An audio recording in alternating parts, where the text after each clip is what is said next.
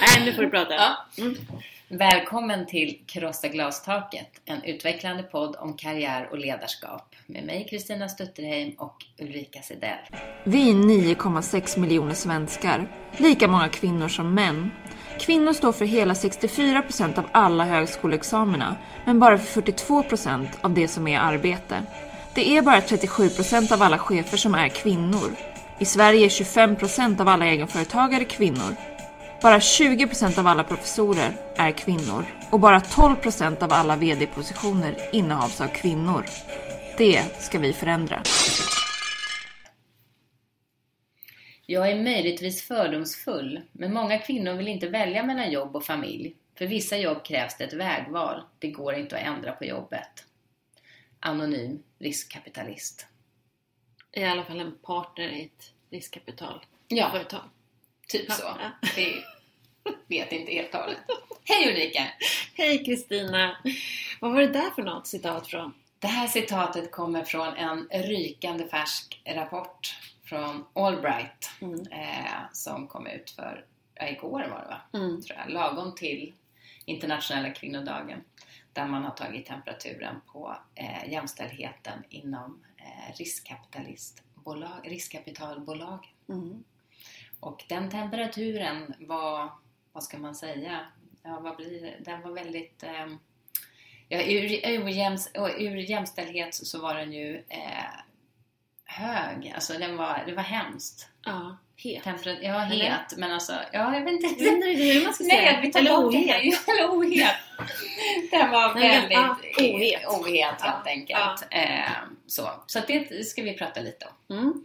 Och lite annat förstås också. Vi har en jättespännande intervju framför Mm. oss. Eh, med en eh, erfaren, kompetent kvinna. Mm. Härligt att tänka på tycker jag, den blandning vi har av alla vi träffar. Idag Mm. träffar vi någon som eh, ja, men har en lång karriär Vad hemlighetsfull du låter nu. Ja, eller hur? Jag kommer inte säga någonting mer. Hur mår du? Åh, jag mår bra Kristina. Det är ju internationella kvinnodagen i mm, jättesnart. Det är en bra Mm. dag tycker jag. Mm. Att tänka på alla framgångar som är gjorda men också uppmärksamma de utmaningar som är. Mm. Eh, kanske inte har direkt påverkat på mitt mående men Nej. jag tycker att det känns lite härligt att tänka Mm. på. Det känns lite extra viktigt i år med den dagen. Alltså den är alltid viktig men det, det är, kommer nog ske, hända väldigt mycket. Mm. Eh, det är mycket som kokar runt om eh, i världen Verkligen. i dessa frågor, i dessa dagar. Mm, det är rysligt faktiskt. Mm. Hur är det med dig annars då? Det är bra. Eh, har precis haft sportlov Mm. så att det var härligt. Grattis. Eh, grattis, tack, att det tack. finns någon som Ja. kan ha sportlov. Tack, det, det var härligt. Eh, Vi var i Norge, åkte skidor. Det gick bra. Jag ramlade en gång Mhm. när jag hade klivit av liften. Okej, Ja, men du är hel? jag är hel. Jag gjorde lite illa mig i knät då, men eh, det var ändå inte så farligt. Mm. Eh, Så jag, jag är hel, absolut. Och sen är jag så himla glad förstår du, för att vet du vad som kommer hända när jag är 220 år gammal? Nej. Då kommer the gender gap vara Ah! stängt. Då kommer eh, jämlik, jäm, jämlikheten ha, eh, jämställdheten ha eh, ja, kommit till sitt mål eller vad man ska säga, förstår du? Det är Eh, jämställdhet då? Ja, Mm. precis. Vart då Eh, någonstans i, Ja, men i världen. i världen? I världen Hela ja, världen? Så att det är hela världen. Det är 169 år kvar om Ja. det fortsätter med i den här takten Mm. enligt World Economic Forum som Mm. i tio år har gjort en rapport om eh, the gender gap. Mm. Man tittar på 144 länder. Eh, och det, kan, ja, det tillkommer världen ifrån. men- Inte hela Mm. världen, nej precis. Men, eh, och Sverige ligger ju högt på den eh, listan, tror fyra Mm. ligger vi nog. Eh, men man kan se att takten har minskat lite de senaste tre åren rent generellt. Eh, och så, man tittar på hälsa och ekonomi och utbildning och eh, politisk empowerment, alltså hur den kvinnliga eh, fördelningen av ministrar och i eh, riksdag och motsvarande och så. Mm. Eh, men så 169 år till i Mm. den liksom sätt att det fortsätter på i den här takten med Mm. de här förutsättningarna. Men var det inte så att de uppmanade också eh, just att, kvinn, att i Sverige saknas kvinnor på ledande positioner? Jag för mig i den här rapporten. Det kanske var i den rapporten. mig det, så var det en annan ja, rapport. jag tror faktiskt det var en annan rapport. Eh, men eh, Mm. ändå. Mm. Precis. Mm. Ja. Nej men så att när jag fyller 220 Mm. då Jättekul! Ja, det känns jättebra tycker jag. Mm. Ja, det blir barnbarnsbarnen då. Ja, Ja. precis. Eh, men lite oroande att ändå då takten har slagits ner på lite utvecklingen de senaste åren. Mm. Mm. Och, och jag säger lite grann som vår intervjuperson sa. Sätt på dig hjälmen nu för vi går mot bistrare tider. Yes, Mm. så är det. Mm. Ja, Nej, men vad skönt att du har haft sportlov. Ja, Har du hunnit spana någonting när du har haft sportlov? om jag har hunnit spana något. Eh, inte under själva sportlovet. Mhm. Det vill jag faktiskt eh, säga. Jag Mm. har varit ledig. Det Mm. behöver man vara. Eh, men nu är jag tillbaka och då har vi förstås spanat. Eh, mycket fokus på den här rapporten Mm. eh, från Allbright. Den var spännande tycker jag. Mm. Och lite andra rapporter som har kommit också. Det är mycket som händer här inför den Verkligen. 8 mars förstås. Hur står det till där i riskkapitalbolagen? Ja, men det står ju inte så himla bra till, förstår du. En bransch, en väldigt viktig bransch som man kanske glömmer bort. Eller inte tänker på hur viktig den här branschen är, vilken stor påverkan. Eh, man, det totala ägandet som alla de här riskkapitalbolagen står för eh, är en omsättning på ungefär 300 miljarder, alltså 8% av BNP. Mm. Och det är bara 3 eh, procent som är kvinnor av, i, eh, av partners eh, i, i dessa bolag. Det skulle vara intressant att veta, det vet inte jag, eh, jag har inte tagit reda på det, men det skulle vara intressant att veta vad, vad alla dessa riskbolag är delägare i. Alltså vad är deras, vad är det de äger för någonting i Sverige?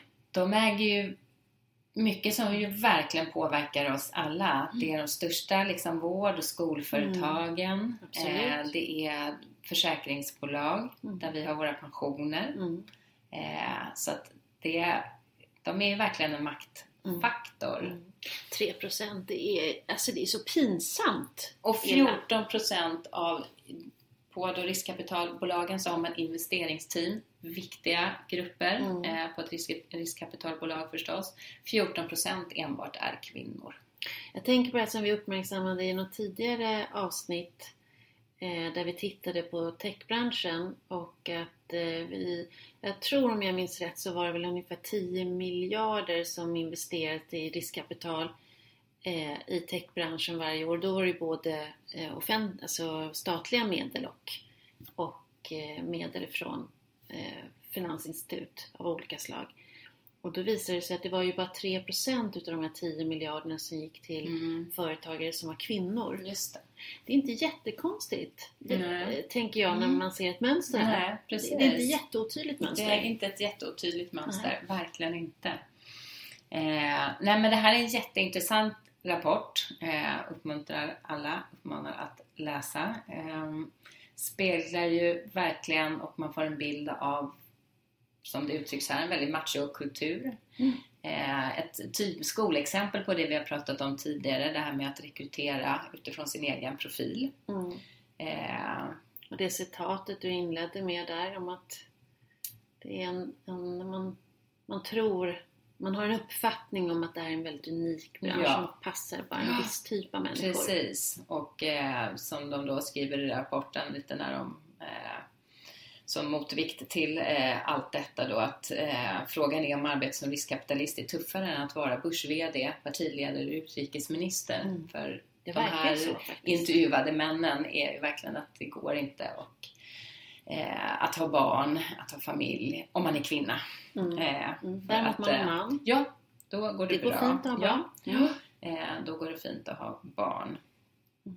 Eh, så att det är... Eh, Jag läste mm, faktiskt i eh, eh, någon tidning, om det var Dagens Industri, nu minns inte jag om det var det idag, eh, ett svar på denna rapport Mm. ifrån något av bolagen, Mm. någon HR-chef som svarade på att man kämpar med den här frågan. Ja. Man är inte förvånad över att det ser ut så här.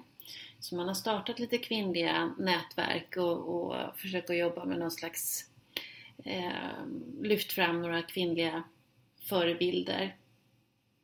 Man tycker 3% har man, Det- man kan inte ha jobbat jättehårt tänker jag. Nej, och just om det var detsamma, jag läste också ett svar om det var samma person. Där hade man en kvinna, Mm. eh, en kvinnlig partner. Mm. Eh, det var vad man hade lyckats Mm. åstadkomma. Hon var dessutom föräldraledig om jag minns rätt. Just det.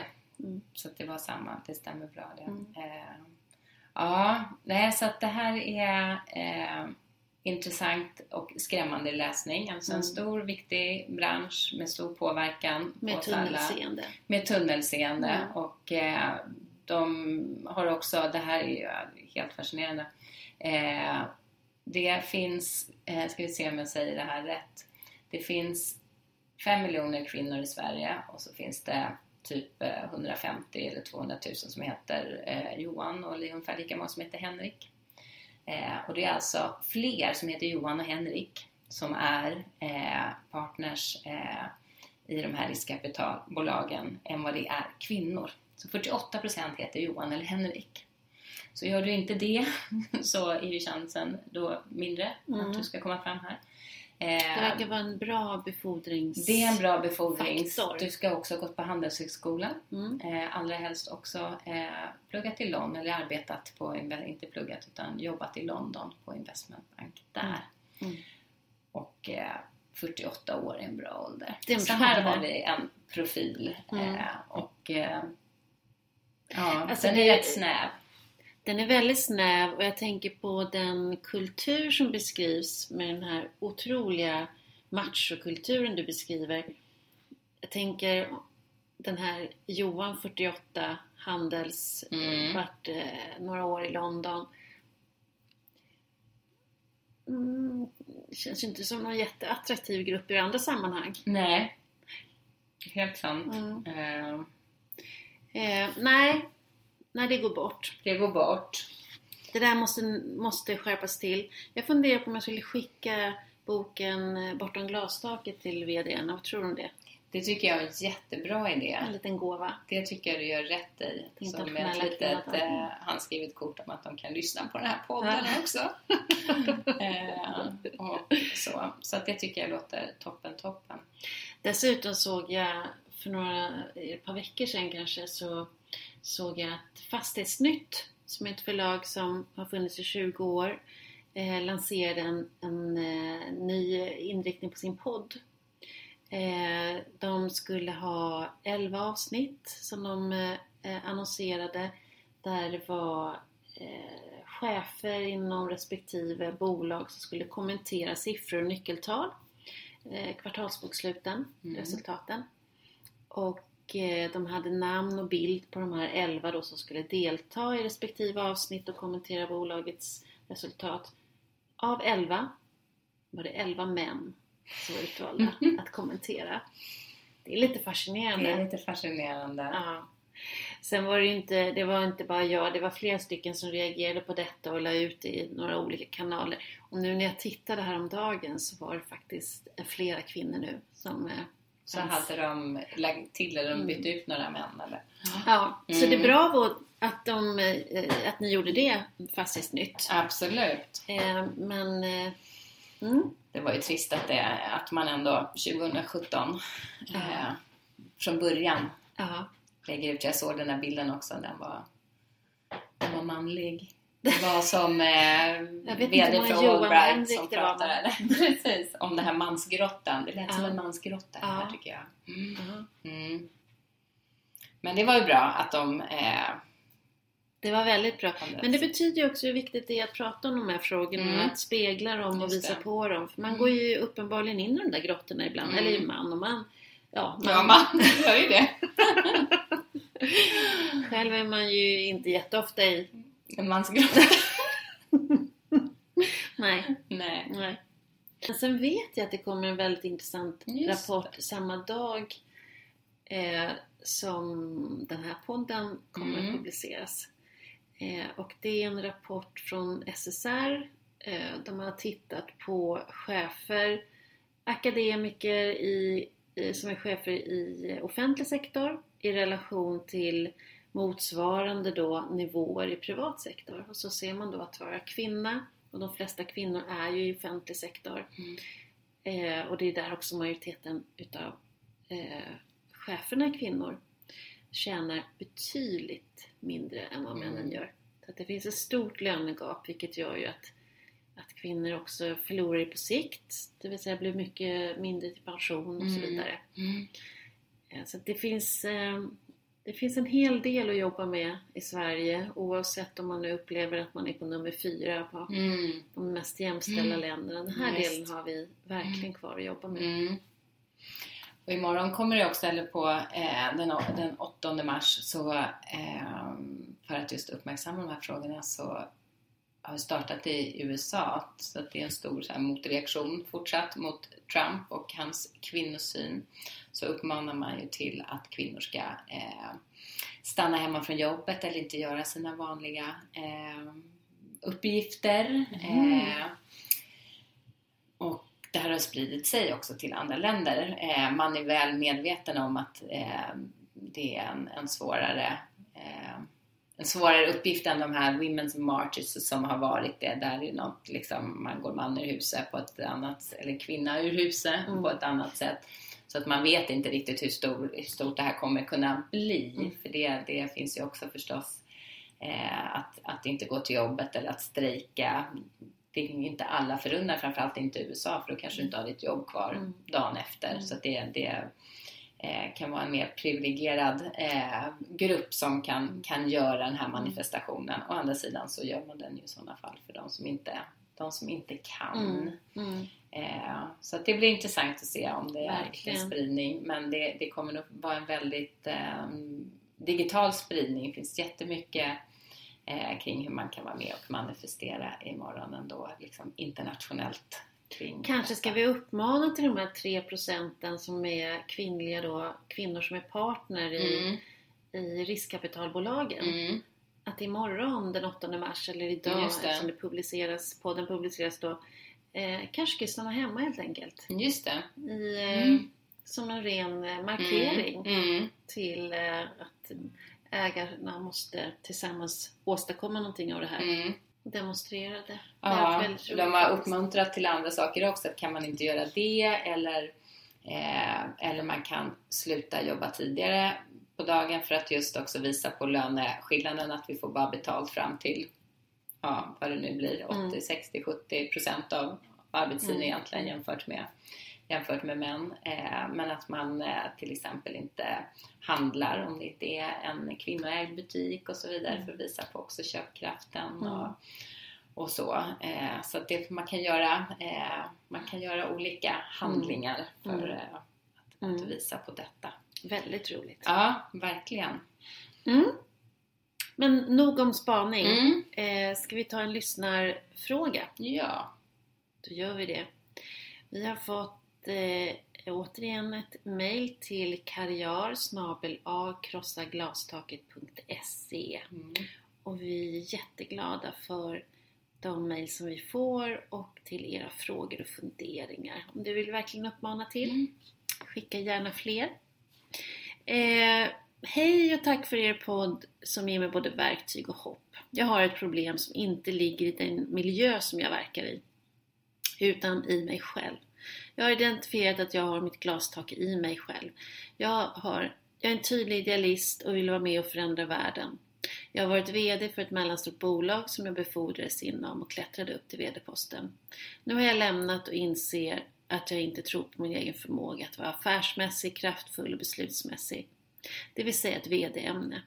Trots allt har jag varit VD i över 10 år och gjorde fantastiska resultat tillsammans med de 270 anställda. Men ändå får jag inte ihop det.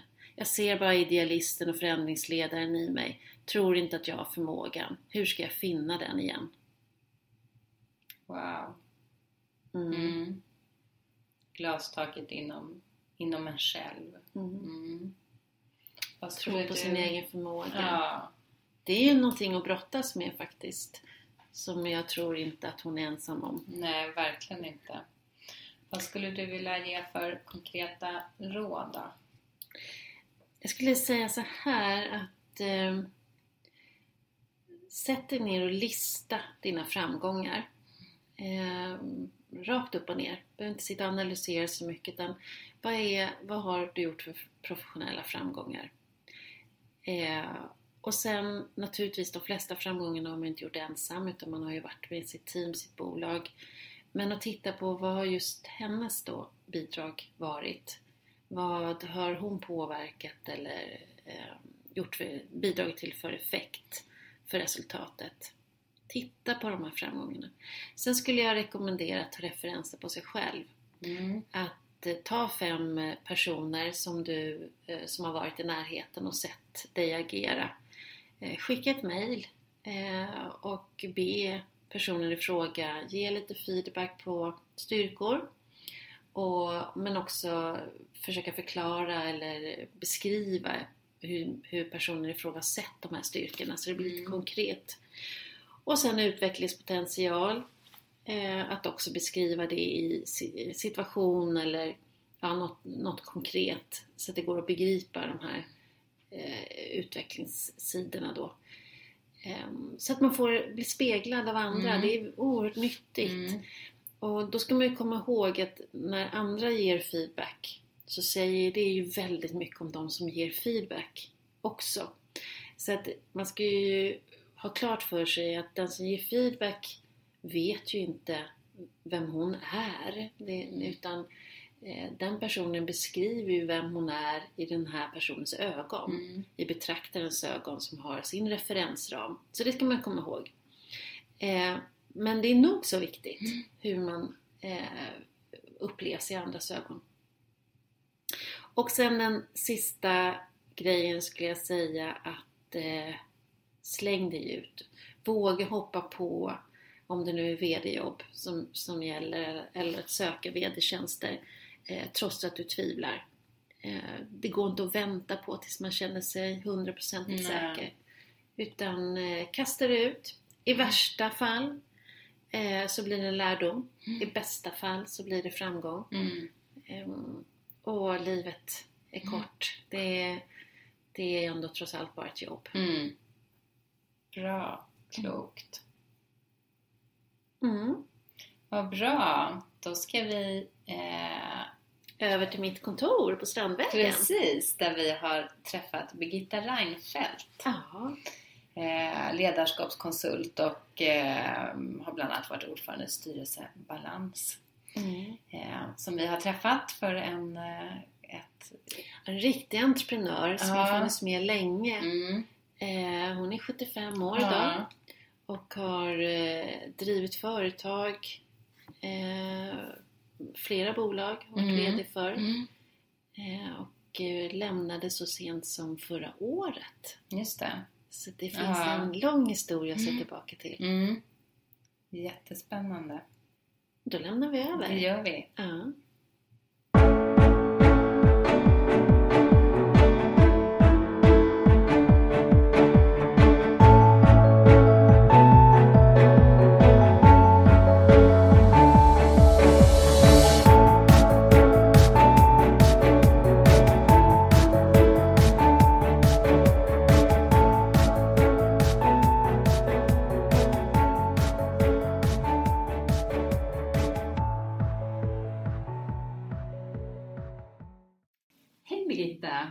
Välkommen till podden Krossa glastaket. Ja. Vi är jätteglada att ha dig här. Mm. Verkligen. Välkommen.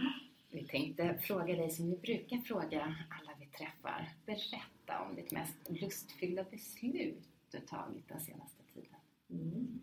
Och då vad man lägger i lust. För mig blev det ett som är lustfyllt och ett som är lite lustigt. Men för jag kan säga det första lustfyllda jag kom på egentligen. Det är bara, för, och då måste man relatera till att jag är lite äldre. Det vill säga, jag har haft, varit arg, riktigt förbannad om man får säga så. Mm. på Stockholms stads höjning av alla parkerings... Inte platser utan eh, boendeparkering. Just och ändå är man ute och jagar platser hela Mm. tiden. Och då ska man flytta den som i mitt fall varenda tisdag. Mm. Så då så bestämde jag en dag för att jag åker ut med bilen till landet. och blåser de på 1100 i månaden. Och det tyckte jag var ganska lustfyllt. Ja. Fastän att jag åkte tåg tillbaka. Ja. För jag är inte någon som åker mycket kommunalt. Men jag, man börjar ju träna sig på det som pensionär. Ja. Och det går riktigt bra faktiskt. Så nu får vi se hur, lustigt det kan vara, Ja. hur länge det håller. Och sen tänkte jag, ja, var det nu lustigt eller lustfyllt? Men lustfyllt har jag ett som är väldigt roligt. Jag bestämde mig efter massvis med år och flera barnbarn att, att gå och köpa garn. härligt. Du kan väl berätta lite kort om din bakgrund? Mm. Det kan jag göra och då ska jag börja bara med att säga att jag är- född i en företagarfamilj. Mm. Eh, och ehm, att min pappa dog när jag var 13 år, vilket har en viss betydelse.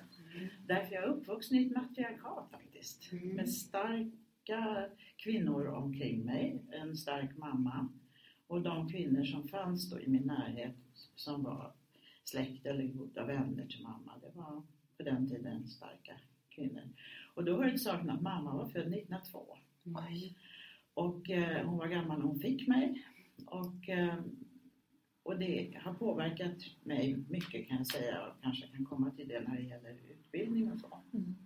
Men försörjde mamman familjen alltså? Nej, nej, hon kunde ju knappt det. Ah. Och det är ju det här med att vara född 1902 Ja, precis. och ha normalskolekompetens. För Hennes bröder fick ta studenten.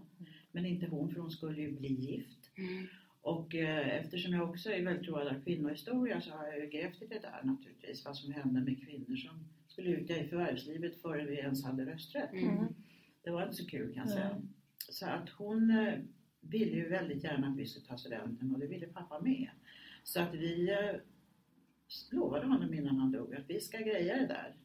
Så med mycket vånda tog min lilla syster och oss igenom gymnasiet. Och det gick bra i och för sig. Mm. Men fantastiskt. Ja. Mm. Och, och mamma var ju stolt som Mm. en riktig huvudhöna höll jag på att säga. Men hon var väldigt stolt över oss. Mm. Och så. Och sen eh, eh, skulle vi läsa vidare. Det hade vi ju inte råd med. Mm. Faktiskt. Och eh, vi har arbetat extra. Jag har arbetat extra sedan jag var 13 år. Mm. Första, för vi hade ju företagare i familjen så de var förbarmade över oss små flickor så Mm. vi fick göra små saker för att fick presenter för det först. Mm. Och sen så började jag tjäna pengar från 15 år faktiskt. Så jag jobbade varenda sommar och varenda lov. Mm. Eh, och så. Och sen fick pengar och så. Mm. Och mitt arv var slut innan jag fyllde 21. För mamma var tvungen att ta ut det. Mm. Mm. Och det var helt okej tycker jag. Så vi har lärt oss att arbeta. Mm. Och det hänger på, på en själv tycker jag. Mm. Väldigt mycket vad man vågar då Mm. göra såklart. Men det låg ju där hela tiden att jag skulle någon gång läsa vidare. Men då hade jag också redan innan jag, redan när jag var 17 hade jag träffat min blivande man. Mm. Så när jag var 22 år så gifte vi oss. Mm. Och eh, då blev jag så kallat försörjd, blev jag inte. Jag hade tagit en sekreterarkurs. Men vi bestämde oss för att gifta oss unga. Mm. Och så skulle vi jobba ett tag och han skulle läsa klart. Mm. Och sen skulle, ville jag och han också, tack och lov, Mm. vi ville ha tre barn. Det bestämde Mm. vi tidigt. Det var prio ett för mig, att få egna barn. Mm. Så att eh, det började med det. Och sen tänkte jag läser sen. Mm. Och det gjorde jag. Mm. Så efter lite olika turer på 60-talet som innebar att vi bodde i London ett tag och så. Så kom jag hem och mitt, förstår ni, de här härliga åren 68 så började jag läsa sociologi. Så det var kul värre. Och då hade jag eh, mitt andra barn på väg. Mm. Och sen så har jag alltid ryckt in lite här och där men jag fick sen det tredje barnet 73 och läste sen färdigt min fysik-kand. Mm. Och det gjorde jag, eh, så sammanlagt har jag då har jag sett att jag har spenderat sju år med mina Mm. barn. Mm. Och min äldsta säger ibland att "Ja, men jag har knappt märkt att du har jobbat eller vad du gjorde. För jag tyckte du var hemma för det mesta när jag var liten. Mm. Och det var jag nog då. För han är ju född 65. Mm. I alla fall så och det, gick, det gick bra det där med Mm. att varva ungarna och mig. Jag levde ju inget studentliv, jag hade alltid bråttom Mm. hem till barnen. Så man blev fokuserad på studierna. Jag var väldigt road av att läsa det jag gjorde då. Mm. Med inriktning med psykologi och sociologi och så. Som skulle bli någonting tänkte jag någon gång. Men mest skulle jag ha, min drivkraft var faktiskt, jag ska ha en akademisk examen om inte annat för att konkurrera med grabbarna om jobben. Mm. Jag visste inte riktigt vilka jobb, Mm. men någonting med människor och så. Mm. Mm. Och det visade sig att det var en bra grej. Mm. För att eh, jag blev ju sedermera eh, uppringd och erbjuden ett jobb genom bekanta. Mm. eh, hos psykologer och professorer som höll, höll på med att utbilda personlighetstest. Mm. Och hon hade hört att jag hade jobbat med som säljare, för det hade jag gjort en period för att bryta med mitt gamla sekreterarjobb Mm. och lära mig att eh, ja, inte bara sitta och ta emot jobb utan fixa jobben själv. Och då blev jag erbjuden ett jobb som eh, assistent till en VD på ett konsultbolag. Mm. Och då tänkte jag, assistent, fast det där är bra, det är ett vettigt jobb tänkte Mm, jag, så jag kan mm. ta ett assistentjobb. Jag måste ju lära mig också. Fin foten. Ja, Mm. det är min del så att jag gjorde det. Men det tog ett år så erbjöd de mig att gå på som VD. För att eh, han som var VD, han hade sagt att han var ekonom. Jag vet inte riktigt hur han hade blivit det, för han kunde inte räkna något vidare. Så att de insåg ju att jag, trots att jag var latinare, eh, fixade ekonomin och Mm. sådana saker rättigt sätt. Mm. Mm. Eller företagsekonomi Mm. blev det. Mm. Och jag såg ju till att jag fick en bra... Jag gick på som VD men jag ville välja min egen ordförande. Det var mitt krav. Mm. Jag hade en gojan som var en oerhört duktig ordförande i ett, ett företag som jag kände till. Och då sa jag, har du lust att vara ordförande för jag ska bli VD? Då sa han, oops vad roligt, det Mm. sådär. Så de var schyssta folk. Och Det var modigt att kräva det. Ja, Mm. Men jag ville det. Mm. Och då, då gick de om Mm. så Hur länge var du VD där då? i åtta år. Mm. Mm. Och eh, det var det var väldigt roliga år, Mm. men jobbiga eftersom faktiskt det var och i det här fallet var det inte männen som var jobbiga Mm. utan det var kvinnorna och eh, jag blev varnad för speciellt en Mm. Och eh, även psykologer kan vara lite borderline. Mm. Så att jag fick en dolk i ryggen och de ville köpa ut mig Mm. eh, när vi kom in på 90-talet. Mm. Tufft. Det var riktigt tufft, märkligt. Så att tyvärr ett tag var jag väldigt ledsen på kvinnor, Mm. Mm. som jag alltid har litat på tidigare i alla fall. Och eh, då sa han bara så här, är det inte så att de är avundsjuka på dig för att du inte är psykolog och tjänar pengar ändå? Mm. Eh, ja, det är möjligt, så. Och ett år var jag ledsen, men Mm. sen så hoppade flera av och sen kom de till mig Mm. och så bad de mig att vi tillsammans skulle sätta oss ner och formulera något nytt företag eller något annat sätt att jobba på. Och vi lyckades med det. Helt, eh, eh, från tio personer så var vi sex, varav en var forskare som var med också. Mm. Han ville vara med. Eh, och eh, då startade vi ett, någonting som heter Associated Professionals. Vi hade rätt hög profil så. Mm. Och det vi hade gemensamt, vi kunde alla våra metoder och vårt sätt att jobba under hela 80-talet som var väldigt framgångsrikt. Mm. Mm. Och vi tjänade som kvinnor väldigt mycket pengar. Mm. Och det är klart det retade, tror jag, några av psykologerna eh, att jag fick mycket uppmärksamhet tror jag. Som VD på 80-talet, vi var många, både kvinnor och män som sa Men har ni gjort det där alldeles ensamma? Mm.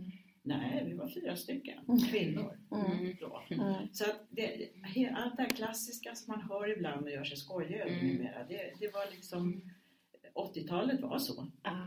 Så att, eh, ja. Men det, blev, det i stort sett blev det bra, tycker jag ändå. Jag lärde mig väldigt mycket av alla de projektioner jag fick av de här Mm. kvinnorna. Ibland var de förbannade på sin morsa eller sin syrra eller någonting och jag blev föremål för allt möjligt. Och det gör ju att jag är mer noga idag vad jag har för folk omkring mig Mm. och säger ifrån när jag känner att det inte passar mig eller hur man nu ska uttrycka sig. Så Eller det att sit- inte- sitter du fortfarande kvar i det trots att det är så länge sedan? Ja, det, liksom. ja, jag tänker på ett sätt så är, sitter det kvar Mm. men det har nog gjort mig eh, lite mjukare. Jag var rätt kaxig på 80-talet. Mm. Alltså jag, jag gick rakt fram, ingenting. Jag var inte rädd för någonting. Mm. Och jag vågade, du vet, massa Mm. saker. Så på något sätt kan det nog vara en lärdom Mm. att eh, jag måste nog lyssna när jag känner att det inte funkar med någon och så. Mm. Och eh, fundera vad, vad är det jag bidrar med. Mm. Det, det tycker jag har lärt mig sedan dess. Och har hygglig självinsikt faktiskt. Mm. De har bankat in rätt mycket i mig. Mm. Och även eh, har jag söner som är väldigt raka mot mig. Mm. Och då tycker jag att det, man måste lyssna. Mm. Eh, och jag vet ju ibland att, att jag kan bete mig säkert på ett otrevligt sätt någon gång eller vara för rationell. Det är någonting jag får höra väldigt Mm. ofta. Mm. Men att vara rationell är, är, är viktigt i vissa jobb. Och sen ändå har jag med hjälp av mina söner fått lov att koppla på den här emotionella sidan och bli tydligare åtminstone privat. Men är inte det ganska typiskt att en kvinna får höra att hon är för rationell? Jag har aldrig hört en Måste man som har upplevt emotionella. att mannen bara, jag är för lite rationell nu. Mm. Det har man ju aldrig hört. Och jag har nog varit sån väldigt mycket. Mm, Och mm, det tror jag en del av mina psykologkollegor, när jag har tänkt efter så här 10-20 år, mm, att jag tror inte de grejade att jag ville leda det här företaget på ett annat sätt. Mm. Och sen var jag rationell i vissa beslut tyckte de. eh, Och de fick inte som de ville alltid heller. mm. Och det är jag lite stolt över. Ja, så, Verkligen. så vågar jag Mm, mm. göra. Modigt. Och de, jag tänker på de här resorna som du har gjort. Eh, För jag vet ju sen, sen har ju du coachat och du har skräddarsytt ledarskapsprogram och du har stöttat upp nätverk för kvinnor. Mm.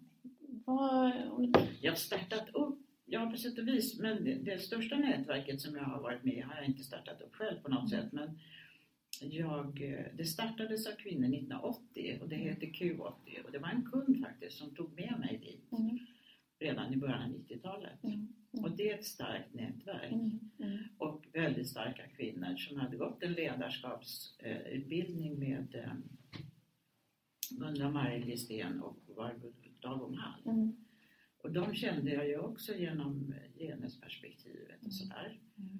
Och eh, ja, så där, det, det var väldigt kul att träffa så mycket starka kvinnor. mm, mm.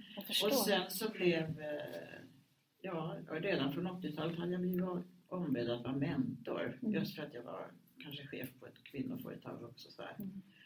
Ehm, och sen 96 fick jag genusutbildning också, kom in på det. Eh, och den, den lever kvar fortfarande, även om jag inte vävt in det på det sätt som vi helt lärde oss. För det är nästan, det är väldigt svårt fortfarande att sälja in det till, om man inte kommer in via. Det är väldigt svårt. Man får nästan paketera till heta någonting annat. Man Och ska... det är väl det vi har gjort, åtminstone i de, eh, när det handlar om våra kvinnokurser som Mm. jag har gjort med en kollega också Mm. som du känner till. Och, och faktum är att eh, min del då har ju varit mycket genusperspektiv där. Mm. Och, och kvinnorna har ju förstått det för jag har kunnat förklara varför det händer det som händer oss kvinnor på ett ganska vettigt sätt. Mm. Men eh, eh, man måste förankra det upp i företagsledningen. Man kan inte bara förankra det hos kvinnorna. Nej, nej, det blir ingen skillnad då. Och vad är det du tänker när du säger sådär, vad, det här som händer oss kvinnor? Vad var, vad var det ni pratade om? Ja, första så, så fick man ju höra då vad, de, vad, vad som hände. Många tjejer som sa att ja, jag gjorde, förberedde kanske någon och hjälpte kille vad han skulle säga. Och vi hade jobbat fram någonting och sen sa han jag. Och, alltså alla de här klassiska Mm. grejerna. Mm. Eh, och eh, vi försökte stötta dem då eh, dels genom att håll inte på och hjälp grabbarna Mm. utan ha fokus på vad som är viktigt för dig Mm. och se om det finns någon gåva du kan ge någon bra person. Mm. Om det är en man, då får det gärna vara det. Mm. Men det måste finnas payback time Mm. i, i någon mening. Mm. Mm. Och det där tror jag många fick. De fick diskutera bland sig själva eller med varandra och sådär.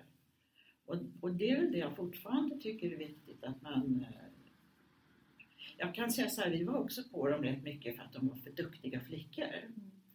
Och jag tycker man ska säga upp duktiga flickor Mm. och, och vara lite mer som, som jag tänker hur, hur jag har varit egentligen. Jag har varit, eh, jag har varit en pojkflicka bitvis. Jag hade tidigt man, pojkkompisar. Mm. körde moppe med dem, med dem. De trimmade min moppe. Jag har lirat med grabbarna hela tiden. Mm. Och lirat även på sitt sätt med machokillar. Jag har aldrig rodnat till exempel. Mm. Utan de får hålla på och sen så ibland säger jag det där tycker inte jag var roligt. Eller något så. Och sen har jag inte plockat ner dem i grupp utan jag har tagit dem en och en. Mm. I så fall. Sagt att Är det ett bra tips? Mm. Ja, Ja. alltså man ska inte plocka ner en man inför andra män. Mm. Då får man stryk. Och, och, de, och då hade vi ett uttryck eh, en period när vi jobbade då i gamla konsultgruppen också att eh, vi måste prata med tjejerna om att våga ta på hjälmen när det gäller. För det är Mm. killar som har sagt, tjejer är de är duktiga. Och då säger jag, tjejer, ni ska inte prata om tjejer. Ja, men de är ju tjejiga. Rätt vad det är så passar det inte. Mm. Och, och då har vi pratat mycket så. Vilka av oss tar på hjälmen? Mm. Alltså när det blåser eller vi ska upp på taket Mm. eller vad vi ska. Mm. Mm. Och eh, då, då måste vi klara att komma upp för stegen själva. Mm. Eller klättra i klätterställningen Mm. som Mm. vi brukar Mm. säga. Det måste man greja. Mm. Det går inte. Och även om vi är duktiga på att dansa baklänges i högklackat så tror jag inte man alltid ska ha den på sig. Mm. Utan ibland är det andra grejer som gäller. Så det du säger, om man, om man ska sammanfatta de här Mm. liksom, verktygen eller tipsen, eller nej inte tips men verktyg. Att, Mm. att, eh, att inte vara så flickig Nej. utan kliva in i en vuxenroll. Så snabbt man kan. Att vara, liksom visa var skåpet ska stå, att vara Mm. bestämd och visa pondus och visa självförtroende. Men också tro på sig själv så man kan klättra i den där Ja. klätterställningen själv och, och ta på sig skydd. Men också det här med att inte, när du befinner dig då i härskarteknik, alltså Mm. härskarsituationer i en, en sån machomiljö att aldrig, som du säger, ta ner en man inför gruppen utan plocka in honom då i sådana fall Ja. i ett eget rum och ta en Fyra diskussion. Mm. Det där tyckte jag inte om att du gjorde. Mm. För killar som konsulter, chefer som är 40-talister då, som jag själv är. Mm. Och jag tycker många manliga chefer på 40-talet har haft svårt att, att klara de här yngre killarna. Mm. Och det här med att eh, papper skulle vara lediga Mm. och komma tillbaka. Vad gör man med dem när de kommer tillbaka från föräldraledigheten? Och, och hur ska man våga satsa på dem? Mm. Så är det mer en könsfråga, eller är det mer en generationsfråga än en könsfråga det här kultur och struktur? Ja, jag ser, tycker jag? Mm. Mm. Och det ser, jag ser det tydligt nu när jag hör till exempel då att jag har svärdöttrar, som, gudskelov, som får jobb fast de är gravida till exempel. Mm. Eller, och, och, och det, jag har medverkat till några sådana grejer i, i tester. Sagt att här är perfekt person, hon ska visa in ha barn om typ sex månader. Och då säger de jaha, men, men då kan hon ju börja och hon kan ju vara ledig ett tag och sådär. Så chef, yngre chefer har kunnat klara det. Mm. Mm. Och det är också ett skifte jag ser. Mm, mm. För alltså en anställning är ju inte bara de två kommande resultatåren. Mm. Utan egentligen kan det ju vara längre om man Mm. vill. Mm. Ja, och sen så tror jag att man ska vänja sig vid att de yngre också byter jobb lite oftare. Mm. Så det är mycket sådana där saker Mm. som händer Mm. sig idag. Ja, det är spännande. Jag tänker bara den... Du har ju sån otroligt lång och gedigen och, och eh, fantastisk erfarenhet av att både vara VD, bygga bolag, eh, ditt perspektiv på företagande och i organisationer och ledarskap. Vad är dina personliga, om du skulle säga tre de viktigaste lärdomarna som du har tagit med dig av din karriär? Finns det någonting som Ja, det, är väl det att man eh, kan bli stocken i ryggen. Mm. Alltså att lita på folk, tycker jag. Men min grundinställning är fortfarande att jag litar på folk. Mm. Men man får bli lite försiktigare, Mm. som jag sa tidigare, vad man kan omge sig med. Och sen tänker jag så här ehm, att ehm, ja, vad ska jag säga? Ta, jag, jag, tar, jag tar mycket på allvar. Men jobbet är inte det absolut viktigaste. Mm. Och sen någonting som jag har lärt mig nu när jag har blivit så här gammal som man säger. Att eh, jag slarvade att jobba med kroppen. Mm. Eh, så jag skulle vilja säga att om man jobbar och släpper ibland att sitta kvar och vara så himla duktig Mm. och ut och springer eller går och tränar. Mm. För att eh, man skulle kunna säga på skoj så här att eh, jag tycker man ska jobba med kroppen, inte bara med knoppen då. Mm. Mm. Och, och att bli smidig i kroppen kanske också gör att man blir lite smidigare i knoppen då, vill säga att, att hantera olika människor. Mm. Och, um, jag, jag, har, jag har jobbat för hårt kan jag säga. Det var inte ens 40 timmar i veckan vi hade ibland.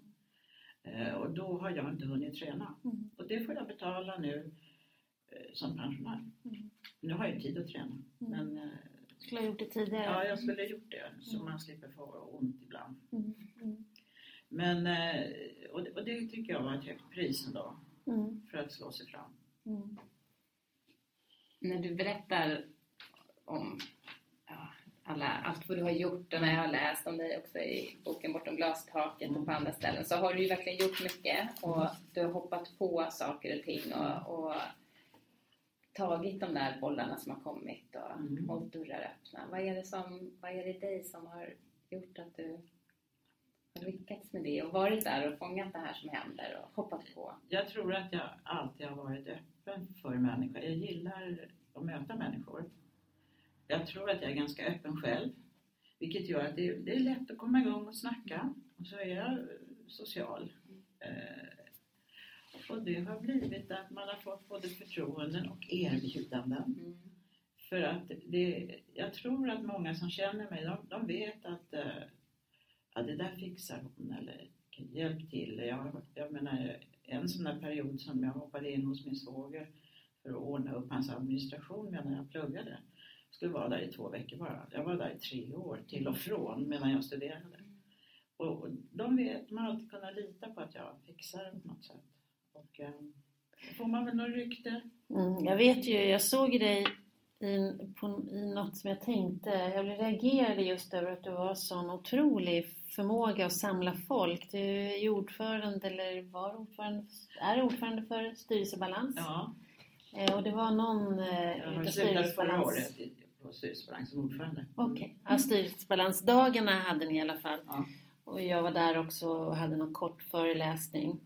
Och tjopp tjopp sa det bara. Du samlade media, du samlade, det var P1, det var tidning och det var liksom, det bara, det tog fem minuter så hade du fångat ihop alla och alla eh, sände och ställde frågor och jag blev, jag blev ju grymt imponerad. Det tog ju, det var ju som värsta presschefen som sprang runt där och ordnade allt på fem minuter. Ja, Det är en otrolig förmåga att samla människor. ja, jag tycker det är viktigt. Och, och, om man förstår vad, vad, i det här fallet, vad frågan gäller eller Mm. vad liksom min roll var just i det här sammanhanget, var Mm. ordförande, var ju också att se till att vi fick bra PR Mm, och, mm, och sådär. Mm. Och, och det handlar ju inte om mig, utan det handlar ju om styrelsebalans. Mm. Det är också viktigt att, eh, att, att man får, får se vilken roll man har Mm. egentligen. Mm. Och även det här med vilka uppdrag som Mm. jag tänkt på. Många kvinnor kanske inte förstår vad en del uppdrag betyder i Mm. form av, även om jag pratar om att man nu ska tänka på sin kropp, eh, vad en del uppdrag innebär eh, där uppe där det blåser. Mm. Eh, och, och ändå vet jag att många kvinnor klarar av det. Men att de, de, håller, sig, de håller sig själva tillbaka lite, lite för mycket ibland tycker jag. Mm. Egentligen. Kliva fram mer? Ja, det Mm. tycker jag. Mm. För att det är inte så, det, det blåser till ibland men det är inte så mycket jobbigare att vara där. Jag, om jag tänker på varför jag har velat jobba så här, det är för att jag vill påverka. Mm. Och så tycker jag att tjejer ska använda ordet makt. Alltså man måste upp någonstans där man får makt till att utveckla eller förändra Mm. eller påverka eller vilka ord vi nu ska Mm. använda. Mm. Och, eh, det är ingen idé att sitta där och grina på mellannivå om man eh, inte har makt. Mm. Då får man hitta på något annat. Får man byta forum kanske? Ja, Ny kontext. Mm. Ja. Hur tycker du att spelplanen idag då, 2017 ser ut för kvinnor i arbetslivet och Ja, kvinnliga den är- ledare? den är inte så bra för kvinnor tycker jag. Um, hade nog funderat på några ord där i- tidigare. Mm. Men jag tror att spelplanen är så lagd för män. Mm. Att, eh,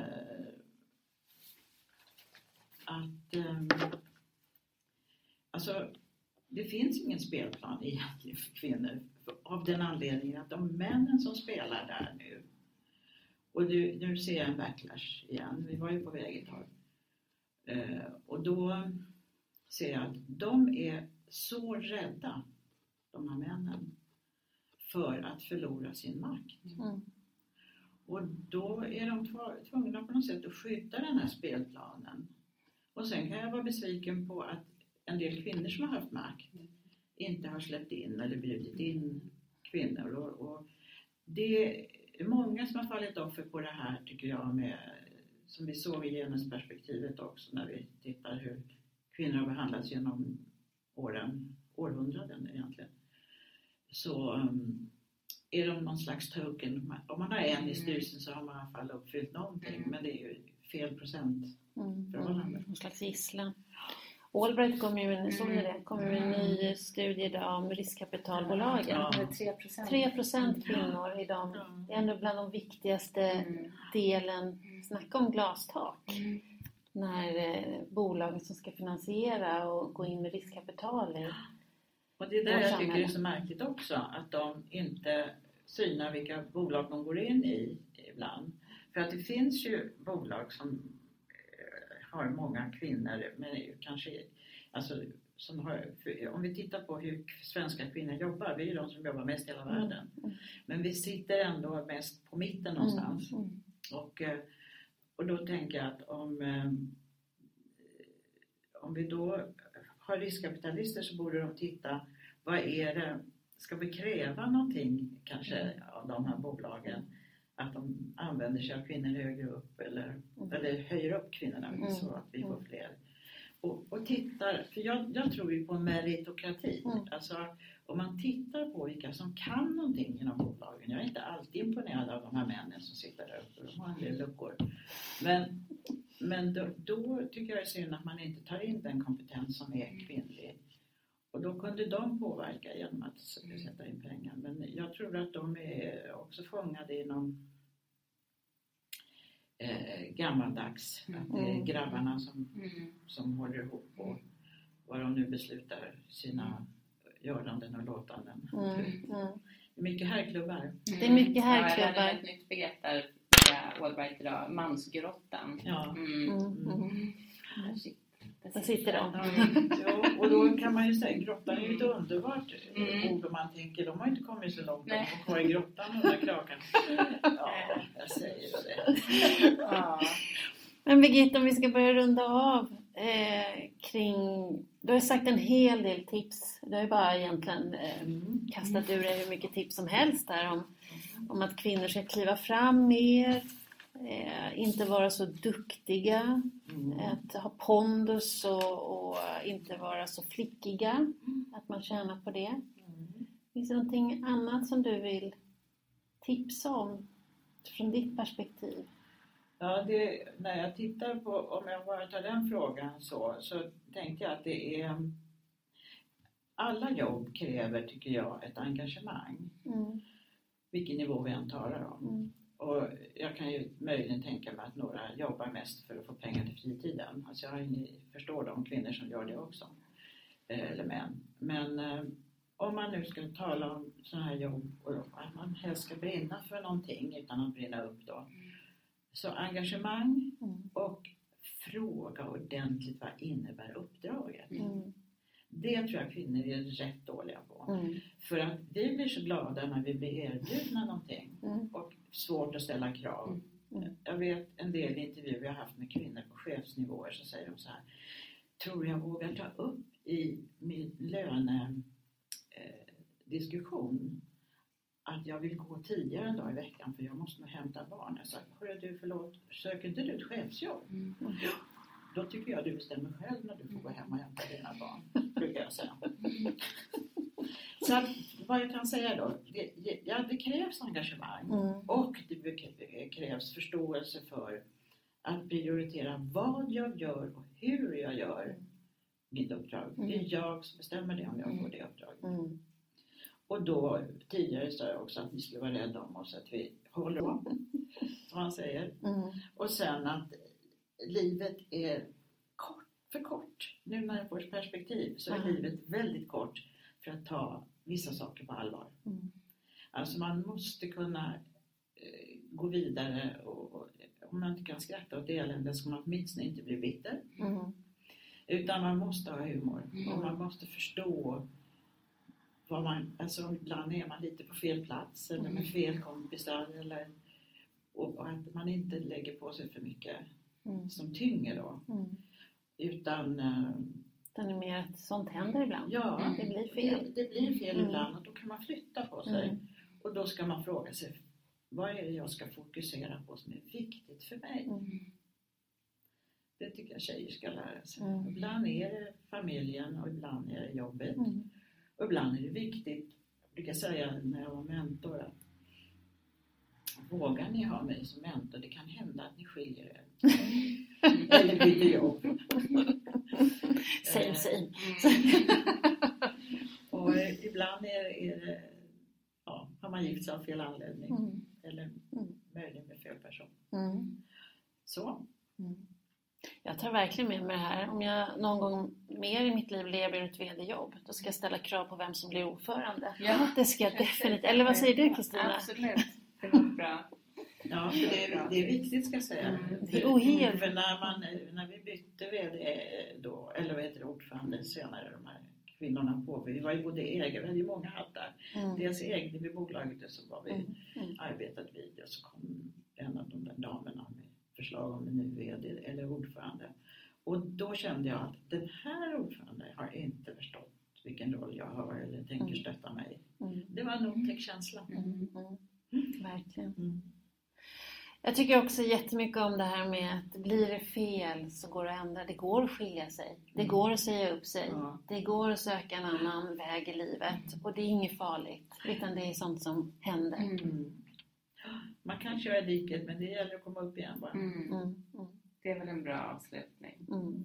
Vi tackar för det här härliga samtalet. Tack så hemskt Tack, mycket. Virta. Tack. Då är vi tillbaka på Mm. Södermalm. Mm. I ditt kök Kristina. Ja. I kvällsmörkret. Mm. Ja. Verkligen. Och vad tänker du efter samtalet med Birgitta då? det, som, det finns mycket som är kvar i mig. Jag, jag, eh, jag fascineras av den styrka eh, av att eh, komma från en familj eh, där eh, man har fått kämpa för, för eh, att plugga och att ta sig fram och, och hur hon eh, mot alla odds faktiskt lyckades med det. Både Mm. eh, med akademisk examen och sen starta bolag och bli VD. Det finns en, en riktig styrka Mm. som är fascinerande. Eh, sen gillar jag det här med att sätta på sig hjälmen. Mm. Det, så är det ju verkligen. Mm. Vad tycker du? Nej, men jag håller med och jag tycker det här härligt att få det här ja, men längre perspektivet. Och som hon berättade också om hennes mamma var född 1902 Mm. och innan rösträtten ens liksom fanns för kvinnor och Mm. allmän rösträtt överhuvudtaget. Det är, det är häftigt Mm. eh, och man förstår var, var mycket styrkan kommer ifrån Mm. och som hon beskriver det. Mm. En riktig Ja, förebild. verkligen. Mm. Så att, ehm, ja, var ett Mm. härligt samtal. Verkligen. Eh, innan vi avslutar så tänkte vi komma med lite karriärstips. Mm. Lite annorlunda tips den här Mm. gången. Kanske lite grann riktat till en viss grupp. Ja, vilka tänker du på då? Eh, jag tänker faktiskt på de här 97 procenten Mm. eh, i riskkapitalbolagen. Mm. Eh, för det är nämligen, vi ska tala om vad man ska undvika. Ja. Mm.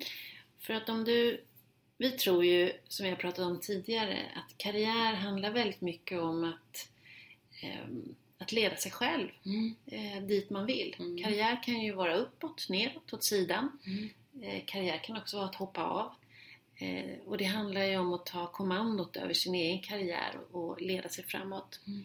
Men för att man ska klara det så behöver man ju bli lite vuxen Mm. och mogen Mm. och våga utmana sig själv. Mm. Men då ska man, för att bli det, då Mm. finns det några saker som man ska undvika. Ja. Och nu skulle jag vilja tala om vad man ska undvika. ja. Jag lyssnar. För att kunna eh, växa Mm. och utvecklas i sitt personliga ledarskap. Mm. Man ska undvika nummer ett. Jag, jag, jag. Egofixering ska man undvika. Eh, det är faktiskt det allvarligaste och mest tragiska misstaget man kan göra inom personlig utveckling. Eh, det vill säga att bara se till sig själv. Mm. Lite narcissistisk Mm. eh, inställning sådär. Mm. För att man överhuvudtaget ska kunna utvecklas som människa så behöver man faktiskt se lite bortom sig själv. Mm. För när man bara har sig själv och sitt eget välmående för ögonen så mår vi faktiskt betydligt sämre Mm. än om vi inkluderar andra Mm. i vår omsorg. Mm. Mm. Så narcissistisk förhållningssätt, Mm. att man tycker att det är jag det handlar om och Mm. alla eh, är som jag. Det står i vägen för den personliga utvecklingen. står i vägen för växt överhuvudtaget. Mm. Eh, sen det här med snabbhetsfixeringen. Det, man kan kalla det för träningsfobi. Eh, då är det så att det ska man undvika. Eh, för att växa som vuxen, det kräver att vi arbetar med oss själva.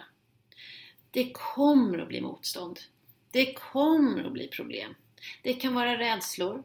Det kan vara ovilja och motstånd. Eh, för det tar tid att förändras. Eh, och man måste ge sig själv tid att utvecklas. Eh, det går inte att hitta några quick fix Nej. metoder. Så det här med att bara ligga, luta sig framåt och springa på och tro att det ska leda till utveckling. Nej, Nej. nej. Slappna av, luta dig tillbaka. Skulle jag vilja säga till de här Mm. 97 procenten. Mm. Fundera på, har du verkligen sett helheten nu? Mm. Mm. Det finns en ytterligare fixering man ska undvika. Okej. Mm. Framstegsfixeringen. Mer, mer, mer. Det här som eh, eh, när man har upptäckt att det eh, fungerar på ett sätt eh, så gör man bara mer av det. Eh, man har upptäckt att det funkade ju med killar. Mm. Ja, då ska vi ha ännu mer Mm. killar. För det, det var ju lätt. Nej. Alltså det är helt fel förhållningssätt till livet. Eh, växande är inte ett ständigt framsteg. Det går inte till, det är inte den logiken. Utan vi måste ibland stanna upp, vara stilla, luta oss tillbaka, ibland kanske till och med backa. Det här blev inte jättebra. Det är 97% män här. Mm. Hmm, vi måste nog luta oss tillbaka och tänka vilka konsekvenser Mm. får detta? Framstegsfixeringen är ett hot mot Mm. utveckling. Mm. Eh, någonting annat som jag skulle vilja lyfta fram som man ska undvika är eh, personlighetsfixering. Okej. Mm. Eh, vi söker ju förebilder Mm. och det är ju bra. Mm. Eh, Att kunna se upp till någon och, och eh, följa någon. Det är både naturligt och nödvändigt. Men man måste komma ihåg.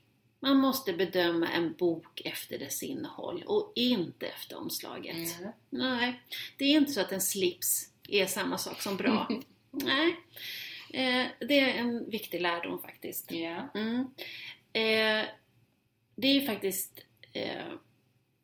Vi riskerar faktiskt att brista i omdömeskraft om vi automatiskt tror att ett budskap är bättre för att det kommer ifrån en karismatisk eller dynamisk person.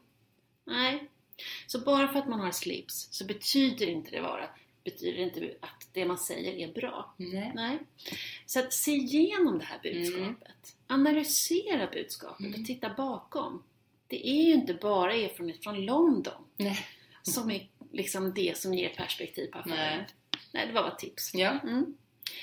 Ehm, sen skulle jag också vilja sista då eh, säga det här med eh, enkelhetsfixeringen. Mm. Det är någonting man ska undvika vid Okej. växt och utveckling. Mm. Mm. Eh, förklaringar och samband behöver inte alltid vara enkla. Eh, det kan faktiskt vara så att ibland är det komplext. Och svaren är både komplexa och svåra. Eh, människan är komplex. Eh, världen är komplex. Eh, och ibland måste vi eh, förstå att vi inte förstår.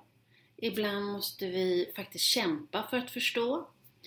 Eh, och det att de här enkla och säkra svaren, de, de finns faktiskt inte. Så att om man nu tycker det är konstigt att det är någon som kommer in med bröst och lite ljusare röst som faktiskt också är kompetent. Mm. Ja, men det kan faktiskt vara så att kompetens ser annorlunda Mm. ut. Inte att alla är klädda i vita skjortor och slips. Så att jag tycker att det är viktigt att även om man inte förstår, Mm. det är inget enkelt, enkel logik, utan det kan vara ganska svårt att förstå, Mm. så kan svaret faktiskt vara gömt där. Fast man Mm. får utmana sig lite för att förstå det. Mm. Bra! Det är lite saker som man Mm. behöver undvika. Mm. Mm. Bra! Mm. Massa spännande saker. Vi lägger också ut det, om Ja. det nu råkar vara någon som känner sig att här är Mm. verkligen någonting för mig. Så kommer vi lägga ut detta på Facebook-sidan eh, Bortom glastaket. Ja, och det kan ju vara något som man vill förmedla vidare till någon. Ja, Kan det vara? kan vara att man kan tipsa. Ett Yes. litet kort kanske vi skulle göra. Ja, Ja. precis. Det låter väl jättebra. Ja, men vad bra. Mm, Då tackar vi för idag. det gör vi. Ja, Ja. ha det bra. Hej! Hej!